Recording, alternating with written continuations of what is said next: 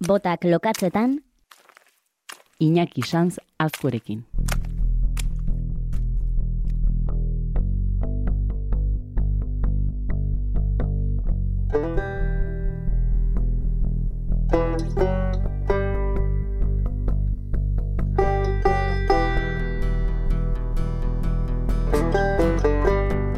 Gelditu makinak saioan fauna eta flora zabala dauka, elementu morloa da bilemen atzera aurrera eta musika honekin garbi dago kauboi bat datorkigula.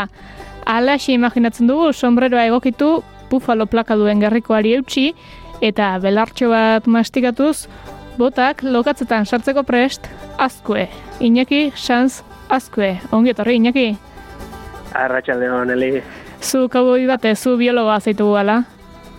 jo, izan marrizuna, ze sarrera india zuen oso, bai, bai, hor kauboia, imaginatzen un neburua, ez dakit, beste nun baiten, baino ez, hemengo baiaretan sartuta. Hemen ere izango da alakorik, eta gurean behintzat, bai, gurean behin baino gehiagotan entzungo dugulako musika hau, zuzatu zenero. Hoi da, bueno, ba, saiatuko gea hilabetero, hilabetero naturai buruzko zehozer erakusten, batez ere jendean naturara edo ingurumenera gerturatzeko ba, aholkutxo batzuk edo jarraibide batzuk ematen, eta, bueno, honekin hasiko gea, ez, urrikoa egin, ez? Eta urrian zer lakarki guzu? Urrian, ba, askotan izaten da joera udazkena torrela eta denok gora begira egoten gea, bai ostoak eroritzen hasi diala, bai egaztiak migratzen dutela Afrika aldera, eta ni gaurkoan kontrakoa proposatuko dut. Begira da lurrera bideratzea, eta narrasti txikientzako jartzea begira da hori ez, eta gaina begira ondo zorroztea.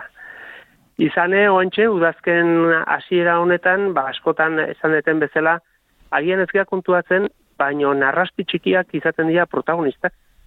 Hemen izaten ditugu udazkeneko egoa puntu batzuk, edo eta badia eguzki egunak, eta, bueno, ba, uda pasa ostean, ba, kume jaio berri hoiek, narrasti kume jaio berri hoiek, aprobetxatze dute momentuko eguzki izpi e, txiki hoiek edo lehun hoiek aprobetsatzituzte ateratzeko neguaren etorrera goxatzeko. E, batetik bai leku berriak konkistatzeko, ze pentsa narrastiek kumeak edukitze dituztenean, ba kume hoiek dagoeneko independenteak izaten diala.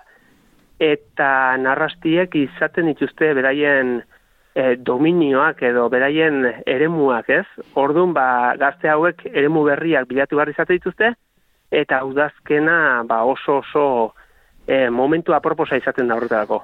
Eta zergatik diozu hori xigaltu behar nizun, zergatik bai. udaberrian jaiotzen badira eta jaiotzetik independenteak badin badira, udazkenean hasten dira euren eremua konkistatzen?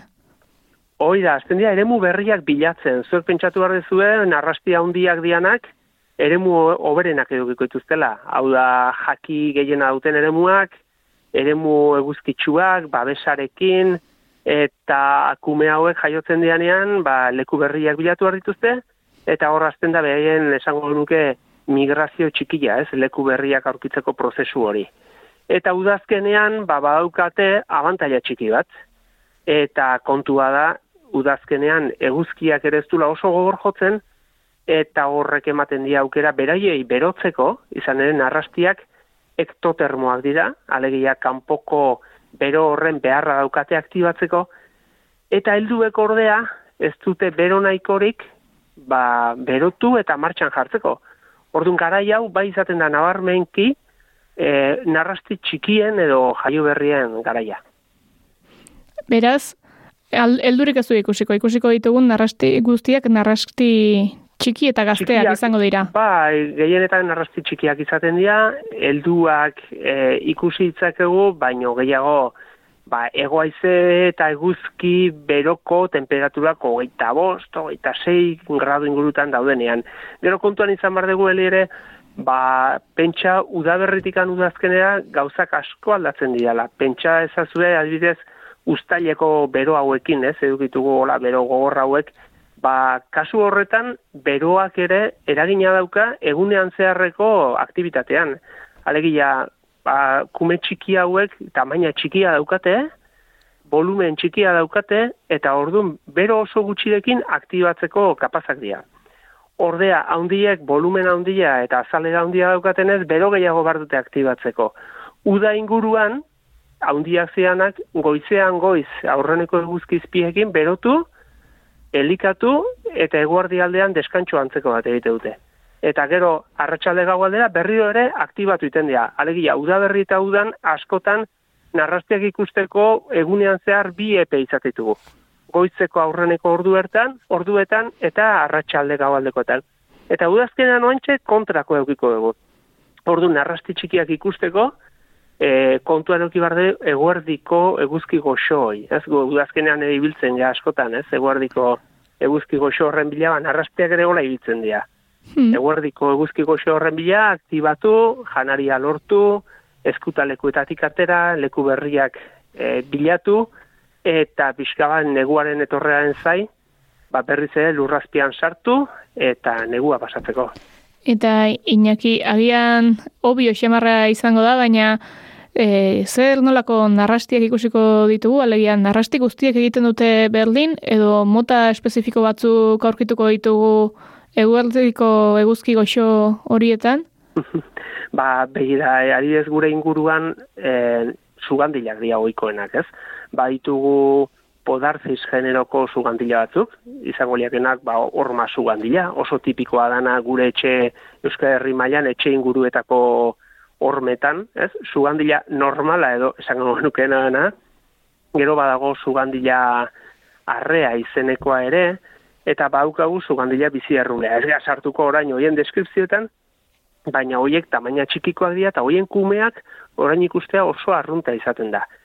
Baina topatu itzakegu ere, ba, ziraunak, suge txikiak topatu itzakegu, edo eta musker jaio berriak ere, musker jaio berriak e, sasi eta zelai inguruetako ere horietan, oantxe topatzitugu, zugandilen antzekoa dira, badukate goiko aldea arre nabar marroi kolorekoa, eta azpialdea berde kolorez zoragarri batekoa, askotan zugandilekin konfunditzen ditugu, baino, baino muskerrak dira. Hmm. E, eta hauek guztiak, ba, esandakoa, ba, gorantz begira juten bagera, ba, agian ikusiko ditugu, moko zabalak, eta ikusiko ditugu belaxe kurriloak, eta usoak, eta bar, baino orain nik uste e, gomendioa dela erresetik jotzera, eta mendiagoa zenean ere ertzak, eta horma ertzak, sasi ertzak, eta bar begiratzea, ze hor aurkituko dugu beste mundu txiki bat, beste mundu txiki bat, agian, irutzeza eguna ez daukana e, horrelako garrantzirik, baino hainbat ekosistemetako sare trofikoetan, ba, sugandia eta narrasti txiki hauek gara garrizko garrantzia daukate, eta behaketa egiteko momentu oso aproposean gaude orain urrian. Ba, kasu egingo dizugu, eta aterako gara, gukere jantziko ditugu gure botak, eta lokatzetan ez dakit, baina eguzki goxetan jarko gara, ea narrasti txiki hau guztiek ikusteko gai garen. Oso ondo deli, bai, ba, urrian autokatzen zaigu, eta ikusiko zuen bezala gaina, hemendik aurrea udazkenean zehar, ja narrasti kontuak pixkanaka pixkanaka jongo zaizkigu, ze azkeneko aukeretan gaude, ja, urrian hasieran, urri erdikaldeko egun hauek, eta gero pixkanaka pixkanaka beste espezie batzuekin jongo beha, botak lokatzetan sartu, edo sartu behar tokian sartu, eta pixka bat gure faunaz disfrutatzeko eta naturaz disfrutatzeko. Ba, bika, inaki, eskerrik asko elkarrekin egingo dugun botak lokatzetan sekzio hau estrenean atzeko, alako gai interesgarria ekartzeagatik, eta datorren hilabetean izango dugu urrengo zita. Oso, no, eskerrik asko zuei. Aio, aio. Ondo segi, aio. Gelditu makinak.